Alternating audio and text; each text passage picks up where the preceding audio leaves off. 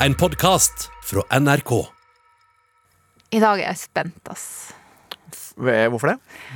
Gjesten vår er Ståle Solbakken. Hissigpropp?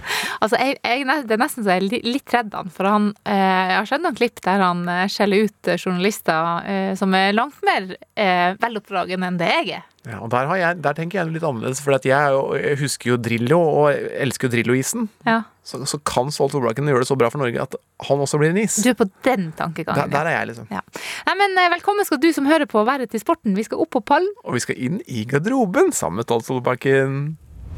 Sporten med Karina og Carl Andreas.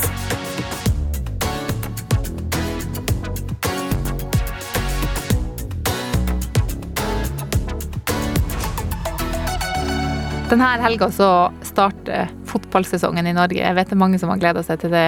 Kjenner du at det kribler litt, eller? Ja, det kribler, men ikke pga. det. Ok, nå tenkte jeg, skal, jeg spørre hva du kribler for, eller skal Ja, altså, det, det, Vil du si det sjøl? ja, jeg skal gjøre det. For, altså, jeg, må, jeg kan godt bruke fotballen, for at jeg skal, mange i Norge kan dette her. Men jeg må bare hjelpe de som ikke kan det, for å hjelpe de med. Så vi kan forstå dette her. For at øh, å komme seg til, Er vi enige om at å komme seg til et VM i fotball, det er stort? Absolutt. Og, og man kan gjøre det bra i et VM uten å vinne VM. Det er absolutt også helt riktig. Ja, og der, det, det er nøkkelen. For det er sånn vi må begynne å tenke om Kasper Ruud og Viktor Hovland. Ja, tennis og golf. De har akkurat satt rekord nå. Eh, Kasper Ruud er nummer 22 i verden, aldri vært så høyt. Viktor? Hovland er nummer 11 i golf, aldri vært så høyt. Ingen nordmenn har vært i nærheten noen gang. Og så er det lett å tenke men de er jo ikke nummer 1, 2 og 3. Nei, nei, det er det vi teller. Det er det vi er vant til, ikke sant? For vi er så vant til at i langrenn og i skiskyting og hopp og alpint og kombinert og skøyter, og så vinner vi. Ja. Og disse gutta her har vunnet. De har vunnet, en, de har vunnet et par, par turneringer hver, men de gjør det ikke hver gang. Nei. Men allikevel, vi må eh, bare forstå at den idretten, idrettene deres, er så annerledes fordi bredden er så enorm. Så den, hele hovedpoenget er Kommer du deg inn topp 100 i verden, så får du lov til å spille de største turneringene. Og bare det å få spille de, er litt som å komme seg til et VM. Ja, ikke sant. Så hvis de kommer til runde to, eller runde tre eller kvartfinale, eller hvis Hovland klarer å komme seg til de to siste rundene, så er det en prestasjon nesten på høyde med å vinne et verdenscuprenn. Ja, absolutt. Spørs om du snakker her om alpint eller langrenn, for langrenn, langrenn i verdenssammenheng er jo litt mindre enn alpin. Det, det, er, det er sant. For, og, men, og da, dette, jeg, jeg rangerer ikke idretter Nei, eller hvor det vanskelig det er, eller noe som helst, men det er rett og slett bare det at uh, i tennis og i golf Hele verden spiller det. Alle verdensdeler spiller det. Alle land i verden har fasiliteter til å kunne spille golf og tennis. Nå kan sikkert noen finne to land som ikke kan det. Litt vanskelig oppe i Nord-Norge. Ja, ja men de har golfbaner, og de har tennisbaner. Så bare husk på det. Det de gutta driver med, de vinner ikke hver helg, men det er helt amazing. Og det er av én ting. De konkurrerer med hele verden, og de er helt i verdenstoppen med de største navnene hver eneste uke. Ja. Det må dere bare nyte, folkens. Det, det er jo her det klassiske spørsmålet. Skjønner vi hvor stort det er? Dukker opp alltid. Ja, Det er det jeg skal liksom prøve nå, så vi skal Ja. slippe å si det hver gang. jeg skjønner litt mer nå, faktisk, etter at du eh, For jeg, jeg vet jo at her er stort. Ja. Jeg gjør jo det. Men, men jeg har jo ikke det samme nære personlige forholdet til golf og tennis som det jeg har til langrenn og fotball, f.eks. Og så må, du, må vi våge en, du, Våg en ting til. Mm. Du der ute, sett deg ned, og så se en tenniskamp eller se en golfturnering på samme måte som du gjør med langrenn eller fotball eller eh, volleyball eller hva du gjør. Og etter hvert så vil du lære det, og så vil du skjønne at det er akkurat like spennende. Du må bare huske én ting. Ikke forvent at Norge vinner. Ikke gjør det. Det Bare at de er med, er helt amazing. Forventninger.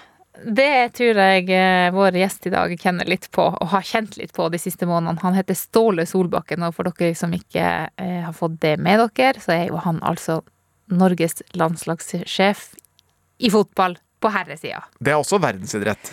Absolutt en verdensidrett. Og eh, Ståle Solbakken har jo vært aktiv spiller sjøl. Eh, helt i HamKam på Hamar, han er helt i LSK på Lillestrøm. Og så er han helt i København, der han har jobba i Jessudans mange år, både som spiller og trener, og til og med også sportsdirektør. Så han har liksom styrt hele klubben der. Fikk fyken der plutselig i fjor, og da benytta NFF sjansen og henta han inn som norsk landslagssjef. Ja. Han, er, han er altså gud på Hamar. Han ble kalt Ståle Salvatore. Han er gud på Lillestrøm. Han er gud i København. Kan han bli gud også for Norge? Vi håper jo det. Eh, Ståle Solbakken han eh, har eh, elska fotball siden han var tre-fire år. Han har tenkt fotball siden han var tre-fire år, og det er jo en grunn til det. Anna høres faktisk litt ut som en sånn papegøyeaktig sak i dag, men, men nå er det ikke det det skal handle om, for det er Ståle Solbakken. Velkommen til oss. Altså med oss i karantene fra Hamar. Og aller først så skal du få høre noe du kanskje kjenner igjen. Hva er dette?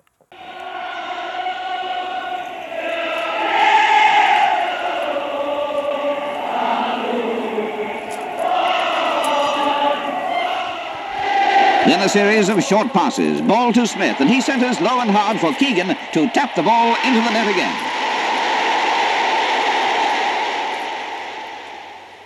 Jeg sier ikke at det er lett å ha skåret mange mål, Kevin Keegan, men hva kan dette her ha vært, tror du? Nei, det kan ha vært eh, FA-cupfinalen i 1974. Kjente du den igjen? Nei, men han sa 'Keegan tap the ball in', og, og, og det var jo en Den eh, ene skåringa var jo en sånn at han måtte hente ballen litt bak og fikk, eh, fikk lagt den innover streken, For- så Nå, nå må vi, vi må spole tilbake, for det her er altså den kampen som sørga for at du begynte å heie på Liverpool, sant? Ja, det er riktig. Altså, jeg, jeg var eh, vi, vi, vi, det, det sto jo på den tida der sikkert for meg mellom eh, Liverpool og Leeds. fordi at Leeds hadde jo de hvite, flotte draktene og Liverpool de røde, flotte draktene. Og begge var jo gode på den tida der. Og så så jeg den Liverpool-Newcastle i 1974, hvor kanskje den første store kampen jeg så med min far. Og da, da var jo Keegan da den store. Han var jo liksom den neste popstjerna etter at George Best hadde lagt opp med, med, med sin store sjarm, og da ble det jo da ble det Liverpool og Keegan. Hva husker du, altså som seksåring, fra akkurat den eh, kampen der, altså av miljøet, hvor du satt, hvordan Hvilke minner har du fra den kampen? Nei, det, det, altså, det minnet jeg har, er Kevin Keegan. Altså, det var det som liksom mer, Kanskje enda mer Kevin Keegan enn Liverpool. Altså, altså, jeg husker jo at da de fotballkorta kom eh, og, og da jeg vokste opp på kirken her, da du skulle bytte de fotballkorta Og jeg hørte om at det var en Leeds-fan som var mye større enn meg, som ville ha det ville ha Peter Lorimer av meg. Og jeg hørte at, eh, og hørte at han hadde et skrukkete Kevin Keegan-bilde. Så husker jeg at vi møttes under en lyktestolpe en ganske mørk, regnfull dag i Kirkenær sentrum, hvor, hvor jeg bytte da Peter Lorimer, mitt glansbilde av Peter Lorimer, med en meget skrukkete Kevin Keegan. Og det er en av de stolteste og gladeste øyeblikka i min barndom, eh, da jeg kunne sykle triumferende hjem med Keegan i For det var ikke mange av Kevin Keegan, veit ikke, men han var i veldig få pakker. Hvor er det kortet nå, Ståle? Nei, det er vel kanskje hjemme hos min mor og far i Reiargutua 7 i en eller annen kartong. Det er ikke umulig. For det var, det var det du klarte, du fikk aldri noe flere. Det var det, og da hadde du det. Det var det, og det var en annen tid, ikke sant? For da var det jo Peter Lorimer gikk jo akkurat bort nå, og da husker jeg vi diskuterte med noen kamerater da han døde nå, at da vi vokste opp, så var det ikke noen diskusjon om at Peter Lorimer skjøt hardest i verden, og at Jimmy Case på Liverpool var den, den som skjøt nest hardest i verden. Så, så det, var det var ikke noe å diskutere. Og så er det jo eh, det at du sier at du husker Altså, du gjenkjente klippet på at han tapped ball. Altså, husker du skåringen fra den kampen? Ja, ja, det husker jeg. Og det er jo fordi at jeg har sett det Det er jo, ikke, det, det er jo fordi jeg har sett det mange ganger etterpå, ikke sant. Men, men, eh, men jeg ble bergtatt av Kevin Keegan nummer sju, og det at da Kenny Dalglish tok over for han, det var kanskje, han ble kanskje en enda større helt, for da begynte du å interessere deg mer for fotballen eh, sånn generelt. Eh, Så, så det er en tid jeg ser tilbake på med, med glede, og da var jo verden mer enkel. Og så ble jo du rett og slett eh, Det var jo faktisk fotballkort fortsatt, eh, tror jeg, når du For du endte jo oppe i Premier League også. Og, og, ble Ja, spiller der.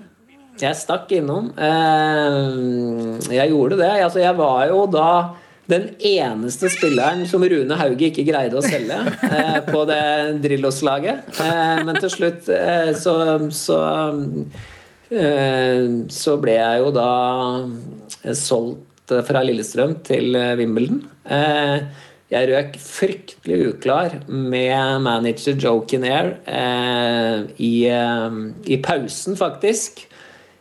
I FA-cupen, femte runde, som alltid går første weekend i januar. Og da var jeg hjemme, for vi fikk avlyst en kamp den jula, så jeg var hjemme. Og da sa jeg til min far at hvis jeg nå greier å holde kjeft i én kamp til mot han eh, idioten, så kommer jeg til å løpe ut på Anfield i neste kamp mot Liverpool borte. Men det klarte du Det ikke. klarte jeg ikke. Nei, så vi begynte nesten å slåss i den pausa. Ja, Eh, Var det, var det da- der at du kanskje mente at trener, eh, du kunne trenergjøringa litt bedre, eller? Ja, det tror jeg at, da tror jeg at jeg var jo rundt 30 år da.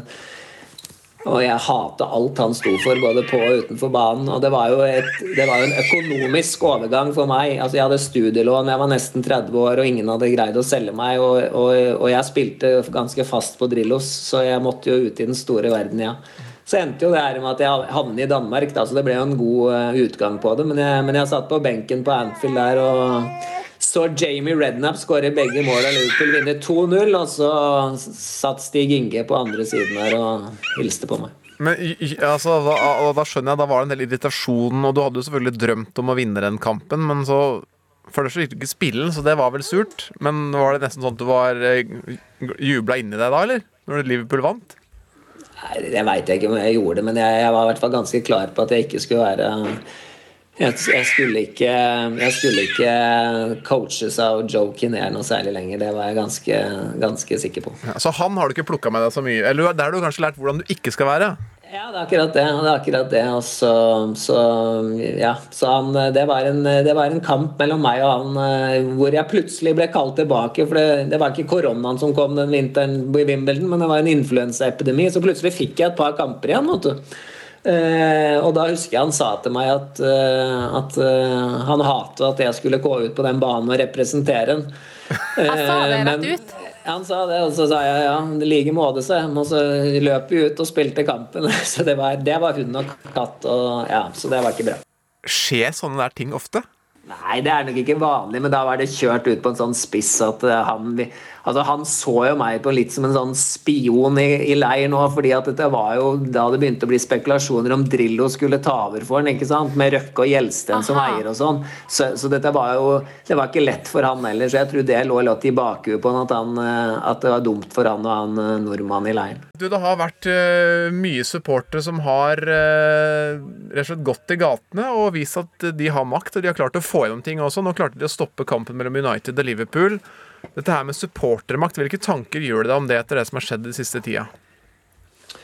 Eh, Jeg tror at det er liksom en slags frustrasjon i mange, da, mange steder over litt hvor fotballen går, og at den superligaen at det fikk det til å renne over for mange. Da, at eh, du plutselig får beskjed via en pressemelding at nå er de største og sterkeste klubba bare meldt seg ut, og de skal ikke, de skal ikke gjøre seg fortjent til det engang. De skal bare gjøre det fordi de har de størst kommersiell verdi. Så at, eh, at det ble satt på plass så fort, det tror jeg var et, eh, et skikkelig bra for fotballens framtid. eh, Og at vi i hvert fall skal bevare konkurranseelementet så langt det går. Og så vet vi alle at penger betyr en del, og det vil det alltid gjøre. Men det har det òg for så vidt alltid gjort. Så, så det var viktig. Og det signalet enkelte klubber gjør med, og da det direkte oppgjøret gjør med sine egne eiere, det, det kommer nok heller ingen eh, klubber utenom. Men Kan det lede til noe, tror du? Altså Tyskland, som du har bakgrunn fra, har jo en annen hvor mange av, av de som eier 51% av klubbene, altså fansen. Eh, Det er jo det de begynner å snakke om i England også. Er det, er det sjanse til å komme noe vei med dette her? Eh, ja, så de har jo altså På mange måter så er jo Superligaen i hvert fall kansellert for evig og alltid, ser det ut som. I og med at det nå blir politikk i det. At, at man må signere eh, på at han ikke kan være med i en sånn utbryter eh, utbrytergruppe. Så, så der er jo mye gjort. At, at eh, engelske klubber eh, og mange kommer til å gå over til den 50 pluss 1-regelen. Det tror jeg kommer til å ta litt mer tid og bli flere slag for å få det igjennom. Men, eh, men det er jo absolutt noe å, å tenke på. Hvordan har det vært for deg? Du kommer altså, inn eh, i den første periode som, som norsk landslagstrener, og så koker det greit med Qatar først, og så dukker det her opp med Super League og supporterbråk. Det, det har vært en turbulent tid. Ja, det har vært mye altså, Det har vært mye utenom fotballen, men, men engasjement er jo bra, og engasjement er viktig. Og det er jo viktig at debatten eh, eh, er der, eh, og det må vi tåle. Og så og så må man bare være ærlig, og, så må man stå for noe. Men det, det har jo vært, det har vært en merkelig tid med Qatar og korona og og at vi ikke kan reise rundt og se eller møte noen spillere og sånn. Så det har vært en merkelig start, det har det vært. Eh, Men det har vært interessant, og det har vært, eh, det har vært eh, ja, på mange måter uvant. Føler du at du har kontroll På hva? på og, landslagstrenerjobben? Jeg kan tenke, det kan ikke være lett å ha stålkontroll når du har så mange utenforstående faktorer som spiller inn. Nei, jeg føler at jeg har kontroll på det fotballmessige. Og så føler jeg at jeg er i, er i, eh, i en fin dialog om eh, Qatar, og at vi er i en eh, god utvikling med korona. Så det går i hvert fall den veien vi, vi håper og, og at det skal gå.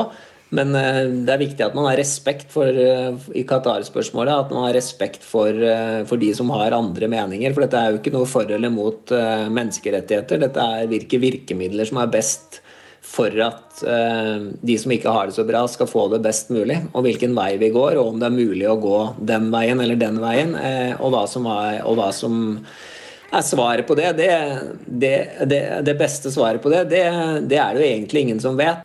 Altså, du sier at du har kontroll, men du, Ståle, når det gjelder landslaget ditt Den første kampen Dommeren rakk nesten å blåse i fløyta før du fikk møte spillerne dine. Hvor tett klarte du egentlig å komme på de?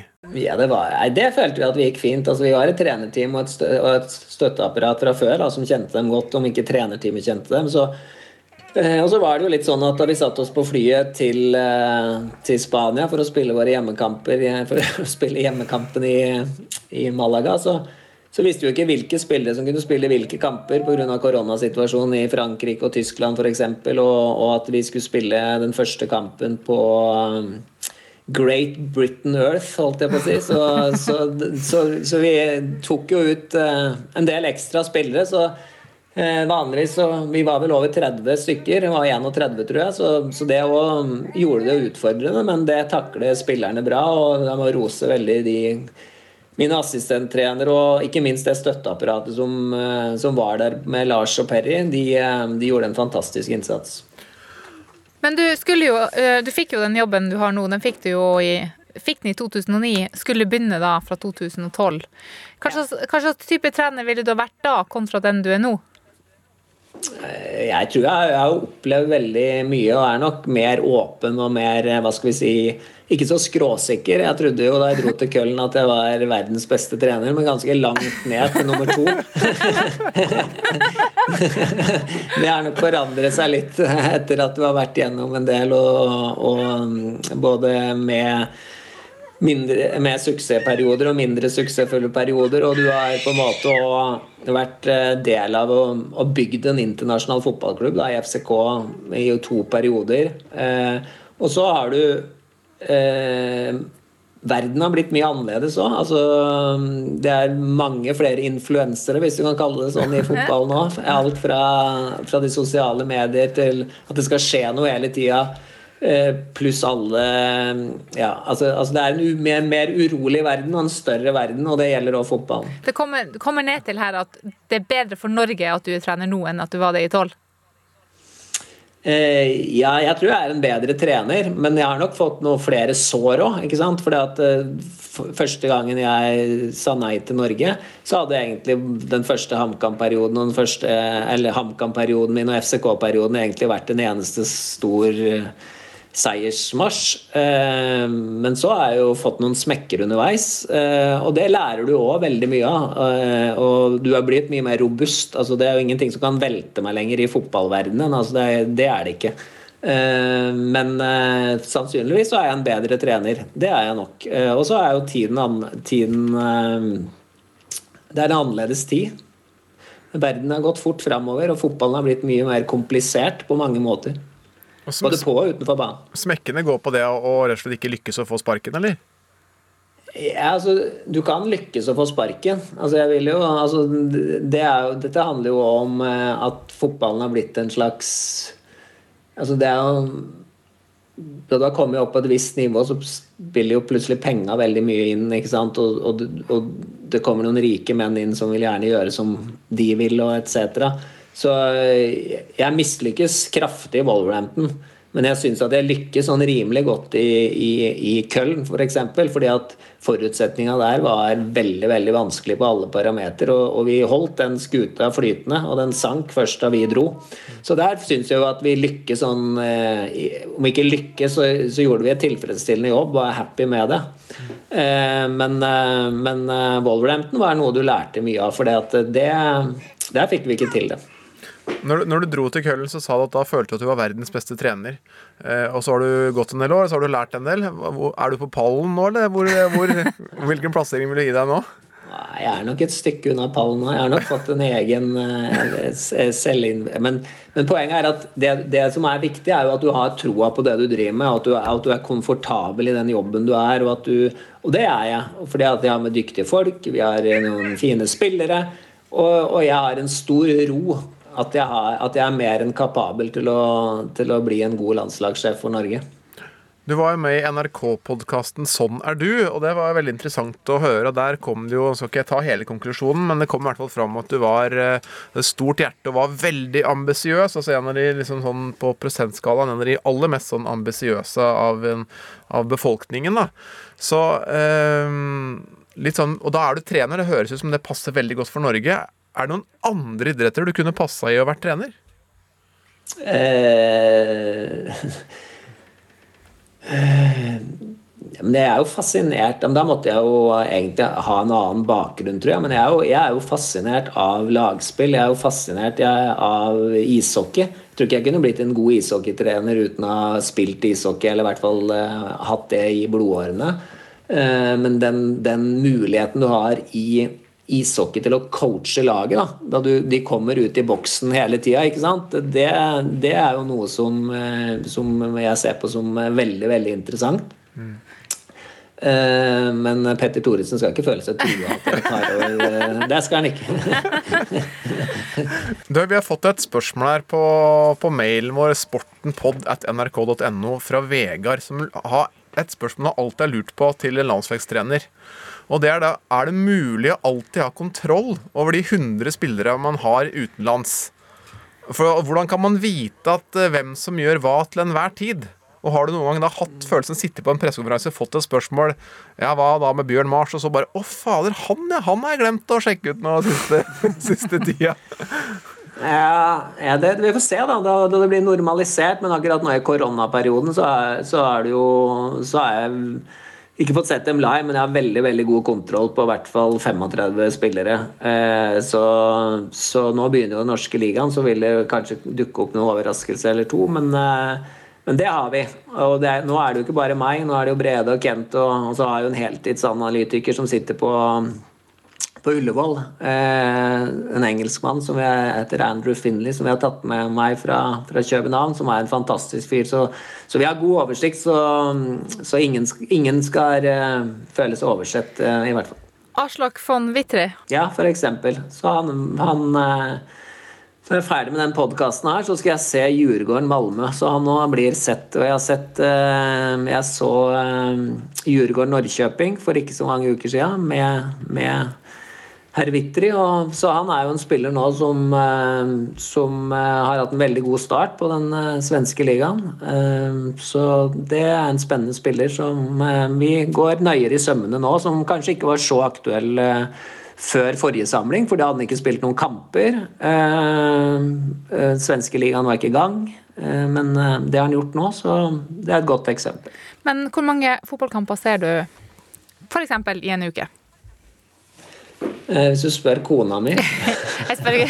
Så, så, lyge. overdrive, så blir det å overdrive. Jeg, må, jeg må ta det litt ned. Eh, nei, men det kan være at jeg, jeg ser nok eh, i den koronaperioden som er nå, så ser jeg nok et par-tre om dagen.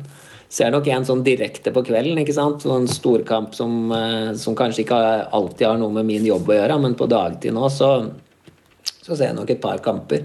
Og så i tillegg så ser du jo har du sånne analyseverktøy nå, så du kan gå inn og se liksom Hvis du tar eh, Vitri på Jordgården, så kan du hvis du ikke vil se alle kampene hans, så kan du se alle aksjonene hans da, ved, Ja. å, ved å trykke på en knapp. ikke sant? Så du, så, så du ser mye fotball, det gjør det. Men da, da blir det fem, seks, sju timer fotballkamper hver dag, da. Egentlig.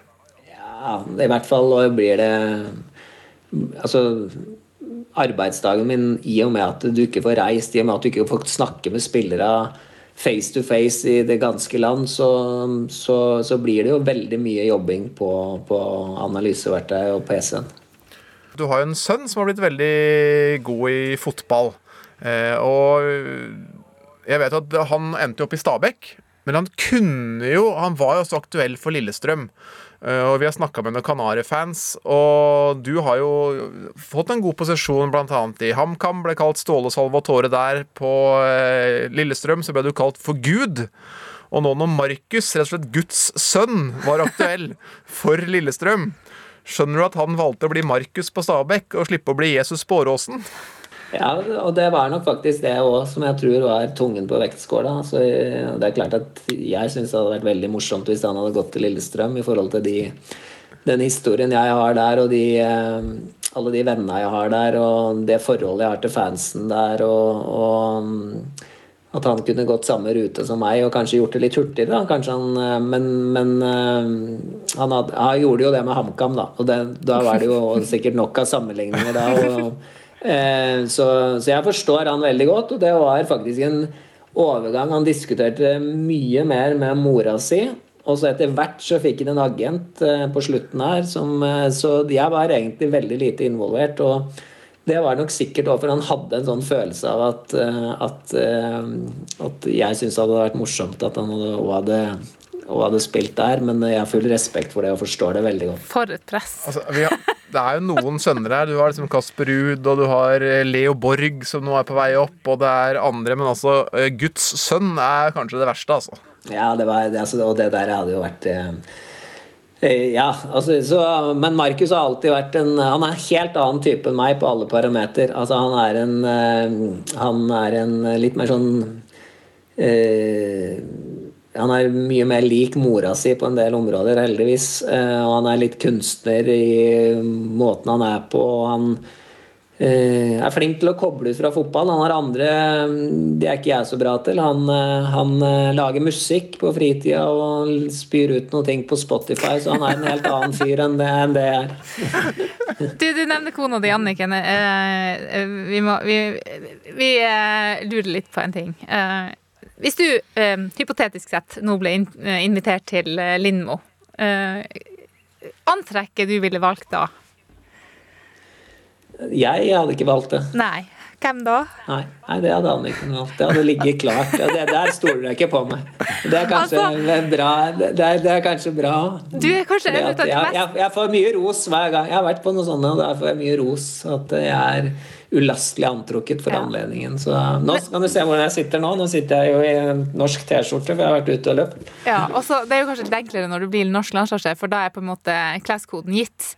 Men eh, du, du er jo passert 50, og du er jo en av de mest oppegående trenerne. Som, altså, så, så legg kona di fram klær til deg. Ja, men det, Hun syns jo at jeg skal representere da, på en eh, Hun stoler jo ikke på meg, da, for jeg er nok litt sånn eh, lemfeldig i, i og tenker ikke så mye over det. Og, har kanskje ikke den, og hun er jo opptatt av klær, og hun ser ut som en, alltid som en million. Og, og, og da syns jeg det er litt flaut, da, hvis jeg Hvis det blir for mye er grue på skjermen, liksom.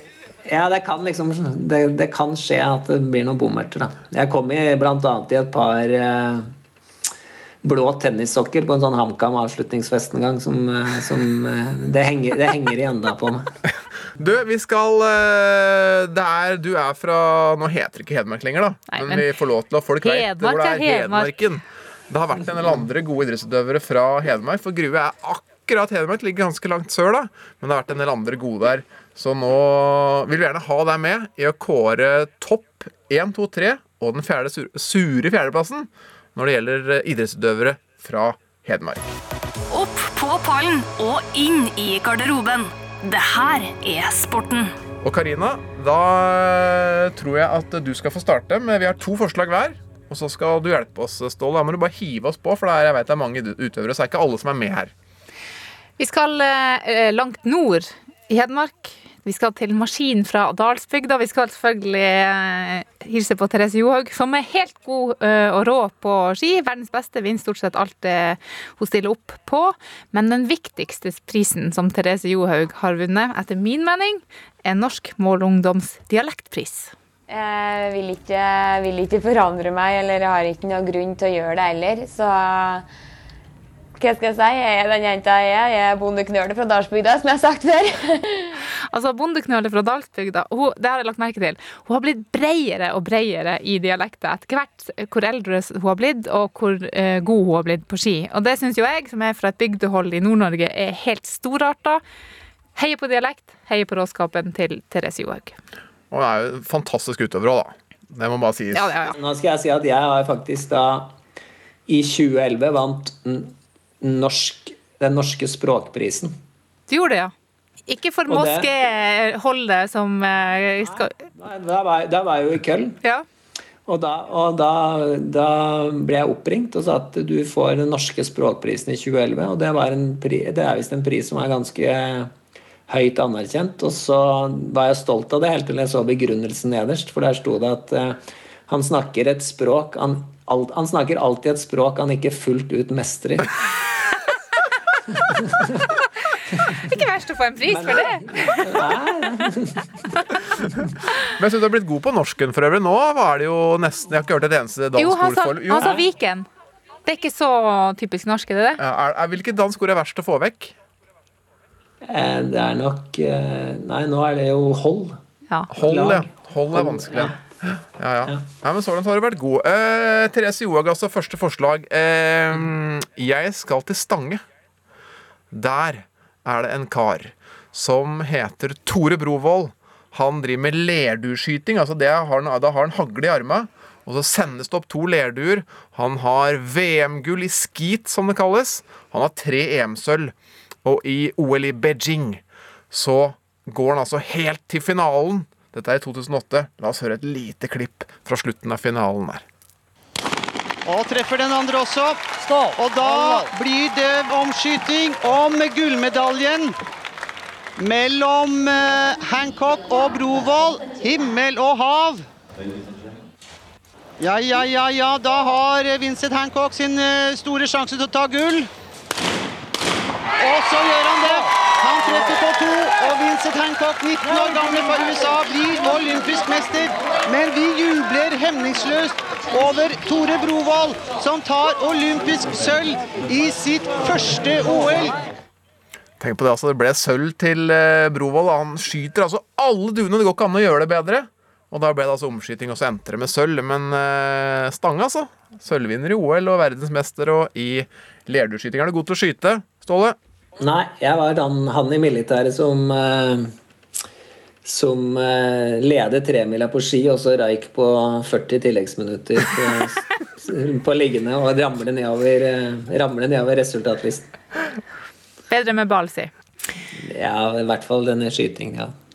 Min andre kandidat eh, er ikke lenger unna enn eh, nabolaget til eh, Ståle. Fordi det går ikke an å snakke om idrettsutøvere fra Hedmark og gå utenom Patrick Thoresen. Og hedmark- hedmarkinga er jo i mitt hode ganske seig. eh, Og jeg kjenner jo ikke Thoresen personlig, men han har jo vist seg som veldig seig, for jeg hyller jo det. At han er en toppidrettsutøver, gjør det stort, skal kvalle til OL nå. Han er jo jevngammel med meg. Fantastisk spilloppfatning. Thoresen med pucken der til Salinen. Inn mot Thoresen. Thoresen, og der kommer jo første målet for Patrik Toresen. Vilken kveld han har i Vida Arena. Djurgårdsfansen er vilda av glede. hockey er stort internasjonalt og han, eh, internasjonalt, og han har jo vært skikkelig god siden han debuterte på Storhamar sitt elitelag allerede som 15-åring, og da skårte han jo også som tidenes yngste for Storhamar. Seig, veldig god øh, fyr. Uh, satser på Beijing til vinteren. Ja. Han har vunnet KL, vet du, og han har spilt i NHL. Og han verden, har i. Sverige. Nei, han er jo helt rå, han. Er du på grilling hos Thoresen noen gang? Nei, men han bor jo bare et steinkast unna meg, så han burde jo ha invitert meg. Men Det- eh, jeg har eh, han, er- Nei, men eh, jeg har jo sett han spille mye ishockey. Jeg så jo faren hans spille da jeg spilte på HamKam på 90-tallet. Så var det jo faren Han var jo ikke så god, men han var god, han òg. Og han spilte jo i, i Vålerenga òg, med rekka med Marius Ratt og Espen Sjampo. Så det var kanskje en av de beste rekkene som har vært i norsk ishockey. Eh, Så jeg har historien på Thoresen-familien. Steffen òg er jo en som tar mye juling foran mål, og som er en god spiller. Ja, det er, helt, det er skikkelig hockeyfamilie. Og hockey, det er skøyter. Og Hamar er jo en veldig skøyteby, så jeg må jo bare si at ok, det, vært, det er egentlig vanskelig å komme uh, utenom de fire S-ene Amund Sjøbrenn, Sten Stensen, Jan Egil Storholt og Kai Stenshjemmet. Men det er faktisk sånn at det ikke når helt til topps. For det er én kar fra Hedmark, fra Hamar, som troner helt på toppen på min liste. Nå kaster Danielsen og løper han til. Litt for dårlig fart, men så kaster han til. Og det var nesten dødt, kanskje. Men det var et langt kast. Og der! Det! Er ny verdensrekord! Egil Danielsen! Det er ny verdensrekord! Og han har fått det til! Han hopper og danser rundt på er litt bra fra. Det er det mest fantastiske jeg har sett. Jeg hadde aldri drømt om at han, at han skulle få til noe slikt. Egil Danielsen fra Hamar han tar altså OL-gull i spyd i 1956 i Melbourne. Han kast, altså, altså vi kan si at Idretten har vært i utvikling, men altså han kaster 85-71. Som eh, nesten hadde holdt til medalje i spydkonkurranser nå i dag. EM-sølv har han også. Han døde i 2019, 85 år gammel. Det var en helt enorm prestasjon for en Hamarsing. Han står jo på sokkel i, bak Børstad ungdomsskole. Ja, hva du tror? Fire, fire kandidater her. Hvem skal ut, først og fremst? Det, altså, jeg må se litt på størrelsen på idretten her, og litt min egen interesse òg. Så eh, stor respekt for, eh, for den skytinga til Brovold, men, eh, men eh, han, han, må, han må ta den sure fjerdeplassen. Han er på fjerdeplassen, og da er det tredjeplassen neste. Er det, er det soleklart, det òg? Nei, det er, dette er jo tre da helt outstanding, og for så vidt fire, da, outstanding idrettsutøvere. Men så eh, må jeg ta det som ligger hjertet mitt nærmest, da. Eh, så, så nummer tre er Therese Johaug, og så eh, kan du ikke si noe annet enn at det hun har gjort etter at eh, hun kom tilbake etter den avstemninga, har vært helt rått. Og da tenker jeg ikke bare på skigåinga.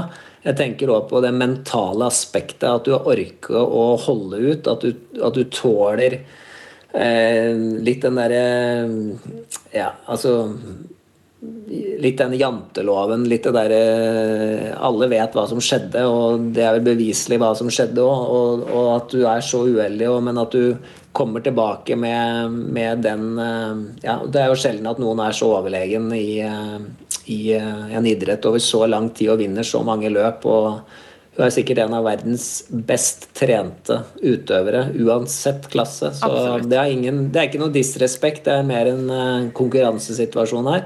Mesdames et messieurs, médaillé d'or. Ladies and gentlemen, gold medalist.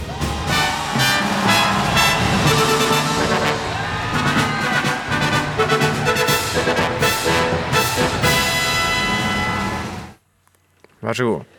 Egil Danielsen. Ja, den er eh, soleklar, den, altså. Ja, det er det. Og det er jo en, eh, det er jo en eh, fantastisk fin statue som står han på det børsteanlegget nå. Og det OL-gullet der, det, det, henger høyt og er i historisk perspektiv og veldig veldig stort. Så der må Patrick bite i det sure eplet. Det tror jeg Patrick godkjenner. Men det Danielsen, da endte han også opp med en statue. Og vi har nevnt Egil Drillo Olsen, som var uh, din landslagstrener og har inspirert uh, deg. Og han lykkes jo veldig godt. Han samla en hel nasjon og veldig mange flotte kamper. Han endte opp med en is, Drillo-isen, som nå har kommet tilbake igjen. Uh, nå blir vel han forbundet nesten som en is, mer enn en landslagstrener da, for den nye generasjonen. Men hva kan du Kan du ende opp med en is, Ståle? Etter noen år? Nei, altså jeg, jeg, jeg er liksom Jeg får mye kritikk hjemme, for jeg, jeg vokst opp med diplomis, og det er det som er isen. Så det er det, det gamle iskartet fra diplomis. Det, den, så jeg vil ikke ha noe is. Jeg vil, vil ha diplomis. Ja, men ok, så, men da, da er, jo, er det jo åpning for det, da. At du kan komme på diplomiskartet. Om, eh, hvordan skal den isen i så fall være da om ti år, når du har gjort det kjempebra? Nei, yes, det, det må jeg overlate til ekspertene å si. Men eh, jeg, jeg, jeg klarer meg med min kronesis eh, med jordbær eller sjokolade og en sandwich eh, og båtisen. Klasse. Tenk nå hvis det går bra og vi får komme til mesterskapet igjen. Da skal jeg jaggu meg tenke ut en ny is som er en blanding av kronis og sandwich. Du skal det, ja. Ja. Stålisen. Stålisen. Da, lykke til, og det har vært veldig flott å prate med deg. God sommer. Takk, i like måte. Var jo ikke noe å være redd for det der, da. Altså, her fra, folk fra Innlandet, vet du. Det er trivelige folk. Hedmark. Altså, akkurat det, akkurat det på dialekter, der er du faktisk helt kråke. Du er god på din egen, men det er jaggu den som bare sitter for Hedmarken. Men Skal jeg Hedmarken. si deg en ting? Ja, si det. Du vet den der Norsk Målungdoms eh, dialektpris? Ja, Jeg har jo også vunnet den. ja men ikke på, ikke på å parodiere andre dialekter. Nei, nei, på min egen. Ja, ja. Jeg den din egen er du krutt på. Jeg har ikke tatt den personlig, men eh, NRK og TV 2 sitt eh, fotballstudio i forbindelse med VM i Brasil i 2014 fikk den prisen. Og jeg må si at det er faktisk den, den beste prisen jeg noen gang har fått. Unnskyld, nei, det var det ikke. Ved sida av Årets nordlending i 2015. Nettopp. Og begge de to kunne, kan du kanskje feire om en 10-15 år med Ståleisen. Jeg er veldig glad for at du kom med det navnet der. Jeg, jeg, jeg har jo lite hår, vet du, akkurat som Ståle. Også jeg tenkte litt på kuleisen, eller kuleisen. Ja. Men Ståleisen var på en måte Der kan det være en liten E i, Ja, ikke kan en liten ap sånn der Ja. E oppi apostrofen. ja. Lage en litt sånn eh, grafisk framstilling som er fin der. Og hvis du sitter nå og hører på dette her og tenker at fy faen, nå har jeg navnet på isen, eller smaken, send oss en mail da på sportenpod at nrk.no, så får vi se, da. Blanding av sandwich og kronis er jo det som eh, Ståle spilte Ståle, Ståle spilte inn sjøl. Får vi se hva, det ender opp med. Jeg må si det Jeg håper det- de gjør det så bra at det, at det kan bli noe å feire, i hvert fall. Jeg er jo enig med han. En, eh, det kronis og, og sandwich, det, det er de, de, gode gamle er ofte best. Det er klassikere. Ja. Men du vet hva, jeg jeg, jeg må innrømme en ting. Ja. Jeg er litt bekymra for tida. Ja. Eh, snart er er ferdig med permen min. Ja. Så nå skal jeg ut i full 100% jobb fra om, om, om, om en og en halv uke. Det er konge, da. Og det som er greia her, er at grunnen til at jeg skal jobbe, er jo fordi at det er fotball-VM. Nei, fotball-EM. Ja. Så vi begynner der. Det begynner der.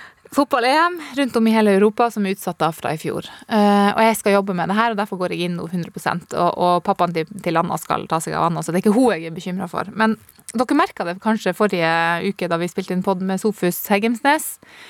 Da presterte jo jeg å si at han er den eneste OL-turneren som, som skal til OL fra Norge. Eh, men vi skal jo sende ei jente til. Vi skal det. Ja, det blir jeg fanga på, det, da. Ja, eh, eh, jeg beklager det. Poenget her er jo at kvelden før vi skulle spille inn denne podkasten, så satt jeg jo og leste. Jeg, visste jo at jeg må, jeg må forberede meg, for jeg kan ikke så mye om turen, så jeg må forberede meg. Ja. Leste om hun jenta fra Bergen som var kvalifisert. Ja. Jeg leste om Sofus. Og Stian Skjærhaug, som var med i forrige OL òg. Ja, ikke sant. Han deltok i Rio i, i 2016, så eh, jeg, jeg var litt svingstang, for å si det sånn. Men Mm. grunnen til at jeg er det, er jo den jævla ammetåka. Ja. Og dere kan flire av den, men inntil dere har amma Vente på den dagen, si. Det er forskning som viser at man at man funker ikke. Hodet funker ikke. Man, man, ting glipper. Og jeg kan fortelle historier om i vinter da jeg skulle kjøpe tennbriketter på butikken. Jeg for fire ganger før jeg fikk med meg de jævla tennbrikettene. Og nå uh, skulle jeg kjøpe munnskyllevann. Dro på butikken for å kjøpe munnskyllevann. Tror du jeg kom hjem med munnskyllevann? Nei. Nei. Det ble igjen i butikken. Så er det en del gode bakervarer nede på den butikken nå, og så er det lett å glemme. Ja, og så har de sånne gode glutenfrie frosne eh, tjukklefser, vet du, som jeg lever på 79 kroner pakken. Men det som er litt irriterende her oppi alt, er jo at vi damer som ammer, vi, vi mister kontroll på, på hjernen. Vi som vanligvis har stålkontroll, Ja. har ikke det lenger. Mens dere fedre, dere blir bevisst ifølge forskning, for jeg måtte jo google det her, og da kommer det opp en forskningsrapport som viser at dere fedre blir faen meg smartere av at vi føder barn. Nettopp. Nettopp. Har du kjent på det? Kjenner det hver dag, jeg. Litt og litt, litt, og litt smartere, si. burde få en til unge nå, så, blir det, så, så piker du. Men ja. det er altså grunnen til at jeg er, eh, jeg er oppriktig bekymra for, for den jobben jeg skal gjøre når eh, fotball-EM starter i 11. juni. Ja. Men Da tror jeg du skal tenke på én ting, og det er det at eh, Nå sier ikke jeg at du er gammel i det hele tatt, men Nei, du, er jo, du er jo blitt ett år eldre enn det du var i fjor. Ja, det er det. Og da er det jo sånn, da, at uh, man, Det er ikke sikkert man gjør alt bedre når man blir eldre, men så er det noe som skjer, kommer med rutinene. Du blir litt roligere på ting, litt mer avslappa, Ja. og da får man det til likevel. Og skulle man være så heldig at man gjør en feil, så er det jo bare å, å retter opp, sånn som du gjorde nå. Ja, og så, og Da så, går det jo greit. så skylder jeg på meg tåka. Ja, ikke sant? Du, eh, mens vi snakker om EM, så vil jeg jo anbefale en podkast. For eh, i NRK Radio-appen så finner du Heia fotball. Og de har jo masse fotballhistorie. De, de spesialiserer seg på fotball, og hvis du vil lade litt opp til det som skal skje i, i sommer, så anbefaler jeg eh, Tete og Sven i en god times tid. Ja. Sånn er du hadde også besøk av Ståle Solbakken, som jeg sa tidligere i podkasten. Den var også veldig morsom å høre, og da blir du enda bedre kjent med, med Ståle. Teknisk ansvarlig i dag, eh, som forrige gang, to, Frode Thorshaug. Fikk lyd fra Hamar. Tenk, Tenk at det skulle det. lykkes. Det. Produsent Geir Elle, også eh, barnevakt for en av de siste gangene. Begge har gått bort fra jordfarger som de hadde sist, så tydelig at nå er det blått som gjelder. De hørte på meg, de. Åh, de hørte på deg. Vi høres neste uke. Det gjør vi. Ha det. Du har hørt en podkast fra NRK. Hør flere podkaster og din favorittkanal i appen NRK Radio.